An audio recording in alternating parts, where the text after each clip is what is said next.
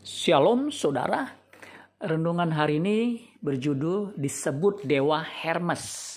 Kisah para Rasul 14 ayat 11 dan 12. Ketika orang banyak melihat apa yang telah diperbuat Paulus, mereka itu berseru dalam bahasa Likaunia. Dewa-dewa telah turun ke tengah-tengah kita dalam rupa manusia.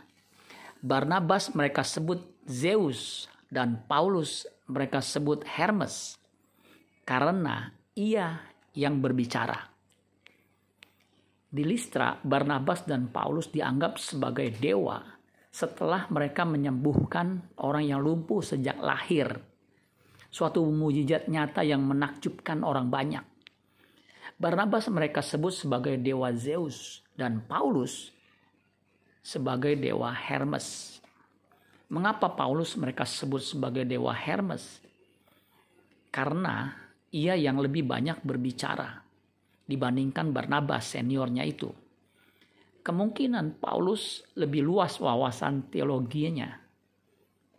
Dalam mitologi Yunani, Hermes adalah pelayan muda sebagai juru bicara dari dewa Zeus yang dianggap fasih berbicara.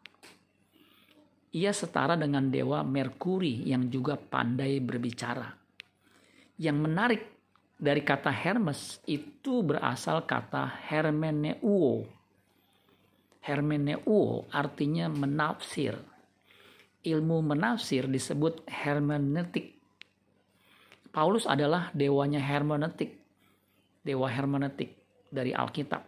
Karena dia menulis paling banyak kitab perjanjian baru yang notabene merupakan penjelasan sekaligus tafsiran dari ajaran Kristus atau Injil Kristus.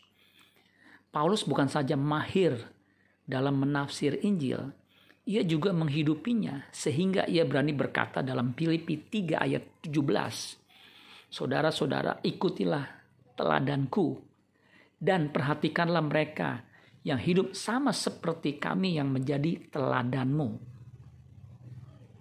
kita belajar firman Tuhan bukan hanya untuk memuaskan pikiran kita semata dengan pengetahuan teologi, tetapi lebih daripada itu kita harus menghidupinya dalam kehidupan kita sehari-hari.